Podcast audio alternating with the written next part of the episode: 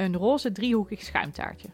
Kunstenaar Sarah van Sonsbeek maakte samen met de Bali dit eetbaar kunstwerk als tijdelijk monument voor verzetsheld Willem Arondeus, die in het gebouw van de Bali in de cel zat voordat hij geëxecuteerd werd. Dit jaar wordt de Arondeus schuimtaart gebakken door patisserie Holtkamp, de beroemdste bakker van Amsterdam. Daarom zijn we vandaag op bezoek bij oprichter Kees Holtkamp om te praten over de bijzondere geschiedenis van taart. Kun je een droevige geschiedenis herdenken met een zoete taart?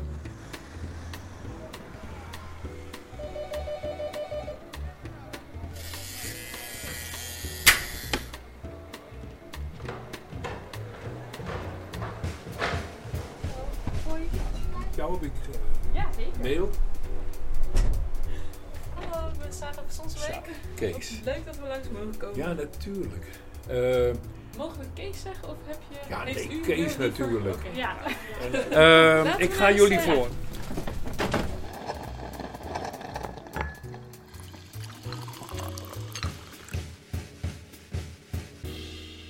Hollandse schuimtaart.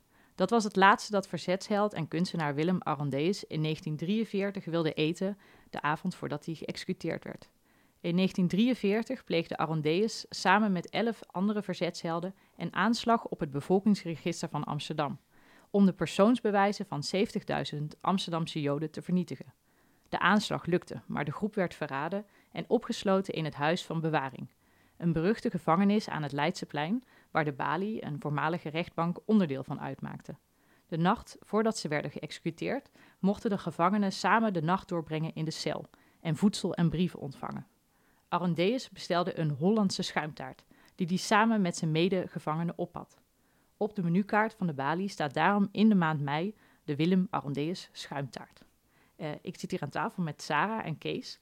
Eh, en Sarah, jij eh, bent in de geschiedenis van de Bali gedoken. En waarom ben je eigenlijk bij de figuur Arondeus blijven hangen? Nou ja, eigenlijk door met jullie en met jou met name te praten en na te denken over hè, wat is nu de geschiedenis van de Bali. En eigenlijk toen, ik, toen je me over Arondeus vertelde, toen was ik meteen zo onder de indruk. Want hij was bijvoorbeeld openlijk homoseksueel, wat in die tijd echt ongewoon was.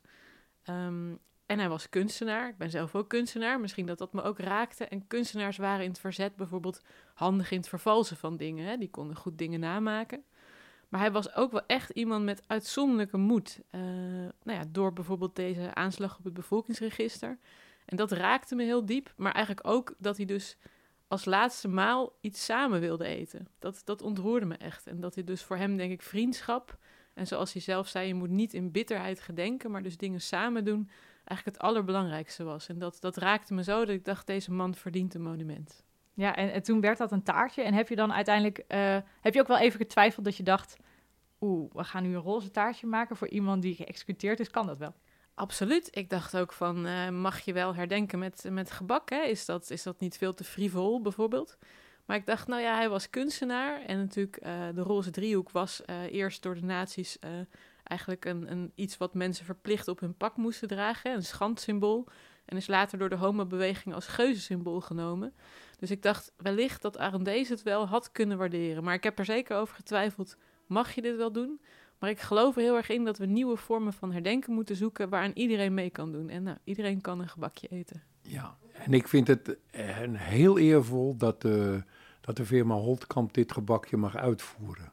Oh, dankjewel. Ja. Dat ontroert me ontzettend, Kees. Ja, Eh, nou ja, we zitten hier om over de Willem Arondeus schuimgebak te praten. ja, ik wist werkelijk wie die was. Hij stond naast eh, Van de Veen, hè, Mhm. de leider. En, en die hele groep is gefusilleerd. Ik ben echt op de hoogte. Maar ik heb nog eens op Wikipedia gekeken. Wat ik niet wist, dat hij in de jaren twintig al een partner had in Urk. Ja, Ja. ja. Een Urker visser. nou, maar dan heb je wel moed, hè? Dan heb je echt moed hè, als homoseksueel. En die Urker dat- visser, die ging er Ja. ook voor. Ongelooflijk, hè? Ja, nee, dat is fantastisch, want dat was toen helemaal niet eh, gewoon om daar open over te zijn. En zeker in Urk stel ik me zo voor, ook al nou, niet. joh. Ja. Ja, dus hij was, er, hij was er open over en dat is heel bijzonder. ja, hij was ook niet bang, denk ik dan. Nou ja, en dat blijkt wel. Ja, dat die, eh, wat ze ook zeggen, die laatste avond hebben ze bij elkaar gezeten. Hij heeft die taart niet alleen opgegeten. Nee. En dat weet jij natuurlijk ook. Ja, en toen werd het toch nog gezellig. ja. dat is toch echt best wel raar. Ik ben heel benieuwd wat er in die nacht gebeurd is en gezegd is. Ja. Nou ja, hij schijnt toen ook wel gezegd te hebben eh, dat je niet in bitterheid mag gedenken. En dat vind ik om zoveel redenen heel erg mooi, omdat dat natuurlijk ook, ja, het betekent dus dat je niet te streng misschien naar het verleden moet kijken en empathie moet hebben. Nou, dat, dat vind ik, kunnen we in deze tijd allemaal wel gebruiken. Ja. Maar ook natuurlijk zegt iets over de zoetigheid die hij bestelde, hè? of dat zo zie ik het dan. Waarom was het eigenlijk een bakker uit Leiden? En ja, er Nee. zal een reden, kwam hij daar vandaan? Ja, Nou, ik begreep in ieder geval dat het eh, zwart gebakken was. En dus ik in mijn totale onschuld Ja, dacht da- toen aan een zwarte... Hè, dat ik het zelf zou hebben laten aanbranden aan een zwarte schuimtaart. Maar nee, dit Nee. betekende dus dat het illegaal gedaan moest worden... omdat je natuurlijk voedselbonnen had... en daar Ja. mocht je niet zomaar een schuimtaart van eh, bestellen. want eh, is zwart bakken of verkopen was heel strafbaar. Ah, ja, dat zal, hè? Je had, ja, je ja. had in Ommen een strafkamp. En daar zaten mensen die, die daarvan beschuldigd werden. En eh, die hadden het heel slecht. En het was natuurlijk ook een strafmaatregel... dat je alleen maar Ja, op de bon kon... Eh, eh, zodat je het niet deed. Nee. Maar ik ben heel benieuwd, die, die Hollandse schuimtaart die hij dan besteld het- had. Hoe denk jij nou dat hij er dan uitgezien had? Of, of hoe had dat gesmaakt? Wat was dat dan? Wat is eigenlijk een Hollandse schuimtaart? Omdat ik dat wist, heb ik iets gemaakt. waarvan ik denk dat, dat die zo geweest is. Ja? Bladerdeeg. Hè? Dus dat is eh, gewoon deeg met, Ja. laagje, met boter, eindeloos eh, gevouwen. Mhm. Dat is de bodem, die prik je dan. Ja. Daarop gaat banketbakkersroom. Mhm. Dat hadden ze ook Ja. in de 19e eeuw al. En dan rood fruit, als het er is. Dus nu hebben we dat altijd. En toen in het voorjaar en in de zomer. En daar gaat een wolk merengue overheen. En merengue, dat is eh, schuim en dat is eiwit met suiker. Mhm. Met suiker opgeklopt, hè? Ja. Ja. En dan gaat die of in een hele hete oven. Ja. Hij moet groeien. Of wat wij nu doen met een brander. Die merengue die is van binnen zacht Mhm. en de buitenkant is geschroeid. Eenvoudig, hè? Dus ja, je kan ook eigenlijk dit is weer maken. eenvoudig. Al is die nu natuurlijk luxer met een vanillestokje en eidooiers.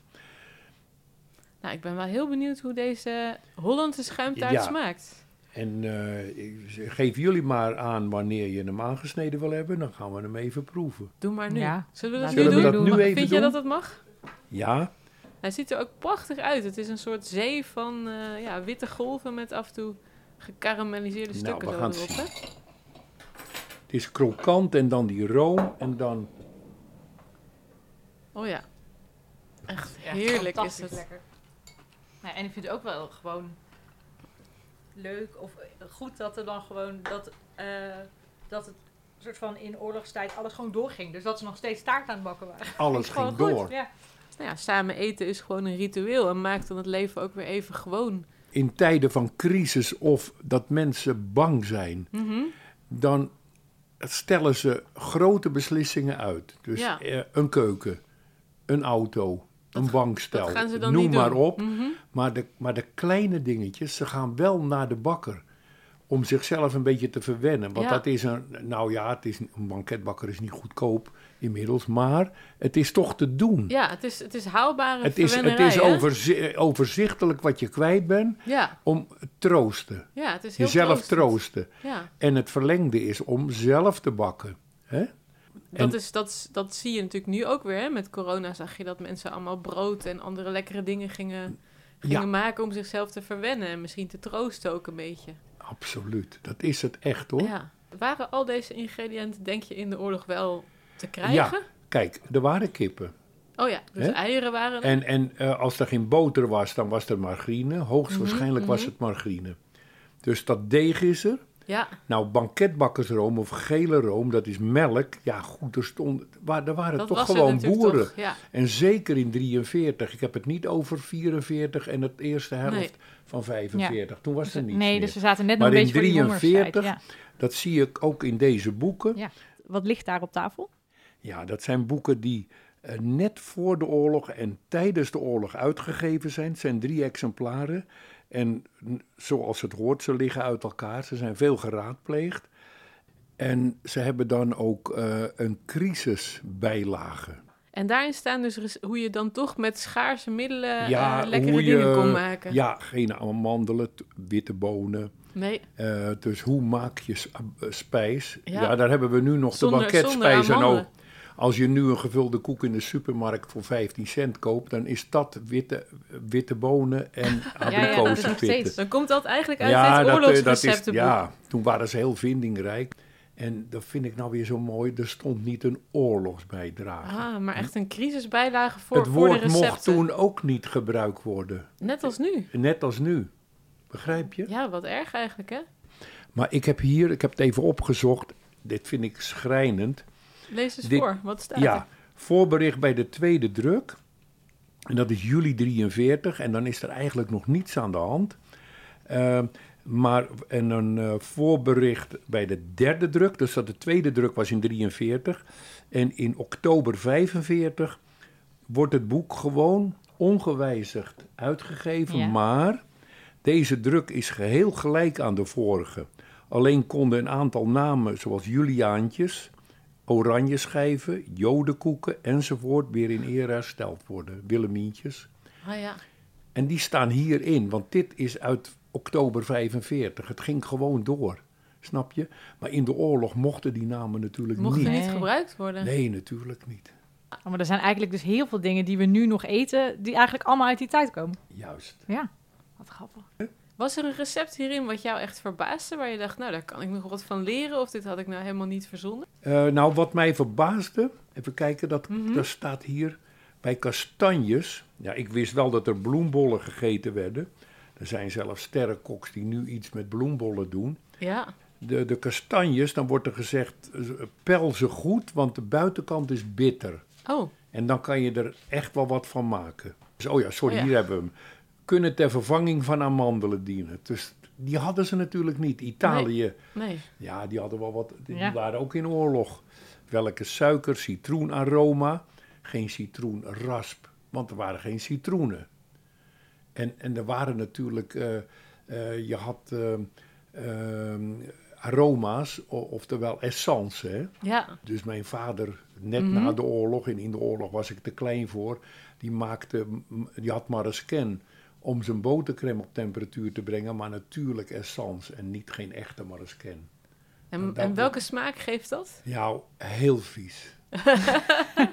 Echt, zo scherp. Ja, Nee, mm. ja, vreselijk. Essence was heel erg, Ja, want, want het benadert natuurlijk niet de echte drank. Hè. Nee, Maar snap ze, ik. ze, ja, ze moesten wel. Wat ik verder nog, eh, als ik dat mag vertellen, ja, Eh, ik ben uit 42. En het is niet gebruikelijk dat je als driejarige dingen herinnert. Zelfs als tweejarige. En dat zijn maar twee of drie feitjes. mhm. Een oom van mij op het dorp Schipluiden. Die eh, stond in de gaarkeuken. Dus ik, ik herinner me dat ik met hem mee mocht. En eh, in grote ketels werd hele waterige soep ge, ah ja, ge- gemaakt. En dat werd uitgedeeld, want inmiddels was op zo'n dorp waar ze niet. eh, Dat, dat was niet te vergelijken met de stad. Mhm. Maar eh, op de laatste twee, drie maanden was er ook niets meer op het dorp. Nee, was het echt honger, hongerlijden. En dus dat herinner ik me. En ik herinner me een, een soort voortdurend onweer. En dat waren de geallieerden die natuurlijk bij Rotterdam lagen. En de, die, die, die onze kant uitkwamen. Mhm. En het laatste, en dat was 5 mei.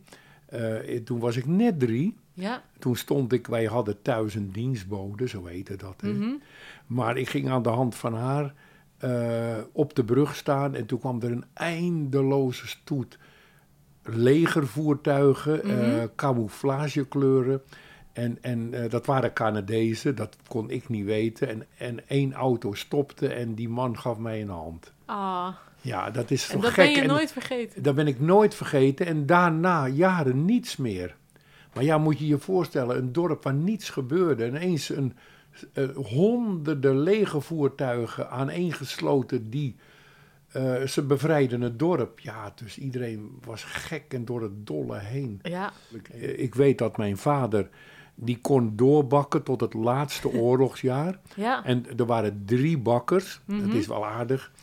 Twee katholieken en één gereformeerde. Ja, En zoals dat hoorde in die tijd, gingen de gereformeerde klanten naar de gereformeerde bakker. Precies. En eh, ze gingen naar hun eigen bakker. Eh, maar ze moesten toen toch, maar ze, ze onderhielden heel goed contact. Maar zo was dat nou eenmaal. ja, En, eh, maar op het, in het laatste oorlogsjaar moesten ze in één bakkerij, omdat van alles was tekort. Mhm. En alles was op de bon. Dus denk erom dat dat niet stiekem moest. Nee. Hebben we het al over gehad? Dus al deze bakkers moesten samenwerken. aan het Ja, en er was bijna geen personeel meer, Mhm. want die moesten ge- noodgedwongen in Duitsland werken. Want in een stad kan je wel onderduiken, maar in zo'n boerendorpje. Ja. Nee, is dat Dus heel moeilijk. De, dus de, de bakkersknechten, zo heette het toen echt, ja, die, eh, die, die moesten naar Duitsland. Mijn moeder onderhield een briefwisseling. Brieven met een, eh, met een kruis er doorheen, Mhm. eh, om te kijken of er tussen de regels geschreven werd. Ah, en zo, zo controleerden Eh, ze dat. Ja, je kon met onzichtbare inkt ook schrijven. Ah, En, dus die brieven hebben allemaal zo'n kruis, weet je wel, met een bepaalde het een spoor, vloes. een spoor achter. Als je Ja, dat want da- da- dat er geen be- geheime berichten naar Nederland kwamen. Voor de rest was mijn vader nou niet bepaald. hij heeft zich echt goed gedragen in de oorlog. En, en zijn verzetsdaad was dat hij bij boeren, natuurlijk boeren, afgelegen. En ze Mhm. hadden hooibergen. En, en in die hooibergen, eh, je moet je je voorstellen, dat, wa- dat, wa- dat was weggewerkt. En daar zaten gezinnen, of daar zaten mensen, Ja. Joodse onderduikers. in, in Dus de... er waren geen Joodse inwoners in het dorp. Dus de, de, de keiharde confrontatie die je in de stad had, had je niet op een dorp. Nee, Nee. nee. En mijn vader bracht meer brood. Ja, als er een boeren-echtpaar zat en hij bracht veel meer brood, dan wist iedereen hoe het zat. Ja, Hij pleegde geen verzet, maar Nee. op deze manier. hij probeerde Kon te het. helpen. Ja. En, en dat ging buiten de bonnen om. Dus er moest toch er moest gerommeld worden, Ja. anders kon het niet. Nee. Anders hadden die mensen geen eten. nee. Ja, dus dat was eigenlijk eh, verzet plegen, maar dan met weinig risico's. Ja, niet iedereen durft gewa- gewapend bezet. Nee, Want als, kijk, als wat Willem gedaan dat heeft, dat is een unicum eigenlijk. Wat Willem Arondeus gedaan heeft, is natuurlijk echt een unicum. Maar ik denk wel dat het... eh, nou ja, ik hoop wel dat mensen zien dat, je, dat, hè, dat het ook belangrijk kan zijn om kleine dingen te doen. Ja, Natuurlijk heb je ook hè, helden nodig, zoals Willem Arondeus echt was, die het, hè, het bevolkingsregister heeft gebombardeerd en dat met zijn leven, of in ieder geval springladingen Ja. heeft helpen leggen en dat met zijn leven heeft bekocht. Maar dit soort kleine daden als, als van je vader zijn natuurlijk ook nodig, want anders zijn kunnen mensen nodig. niet eten. Ja, ze wisten op het dorp dat daar mensen zaten. Ja. En, en, en er werd niet over gepraat. Maar Nee. dat is dan toch ook een risico? Want als één iemand in het dorp wel zou gaan praten, dan, dan Dan was het liep je ook gedaan. gevaar. Dan was het klaar. Ja, Ja. Dus, maar dat is toch niet gebeurd. Nee. Nee, ze krabbelden vrij snel Hm. op. Al was het natuurlijk een sober bestaan. Mhm, mhm, ja, Zoals heel Nederland. Het land moest opgebouwd worden. Mhm, Deze bakker is in 1886 begonnen. De familie van Nie was dat. In 1950 eh, stopte de familie van Nie. En toen ging de chef van de familie, die net na de oorlog hier in dienst is gekomen, mhm. dat was Hans Alers. En van hem hebben we de banketbakkerij overgenomen, Petra en ik in 69. Hoe Eh, zag het er toen uit in nou, Amsterdam? Hoe was het toen eh, om hier... Amsterdam was eh, eh, verwaarloosd Mhm. maar toch wel zo. eh, het had zo'n magische eh, kracht eh, voor mij. Ja, Dat ik vanuit dat dorp. ik ging al geregeld. Eh, vanaf mijn achttiende, dan stapte ik op de trein en dan had ik een klein een boekje architectuur.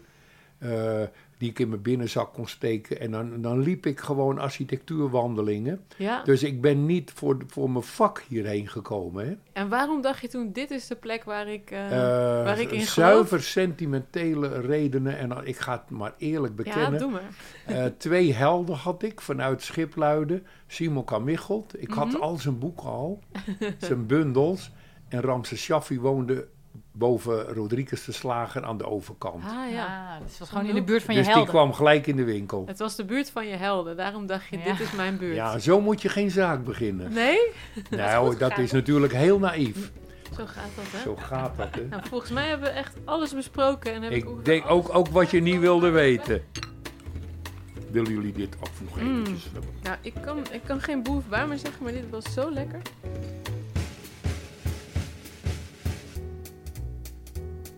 Dankjewel Kees en dankjewel Sarah. Uh, de Willem Arondeus schuimtaart is verkrijgbaar bij de Bali van 28 april tot en met 29 mei. Je kunt hem meenemen als een to-go taartje of opeten in ons restaurant. Bedankt voor het luisteren.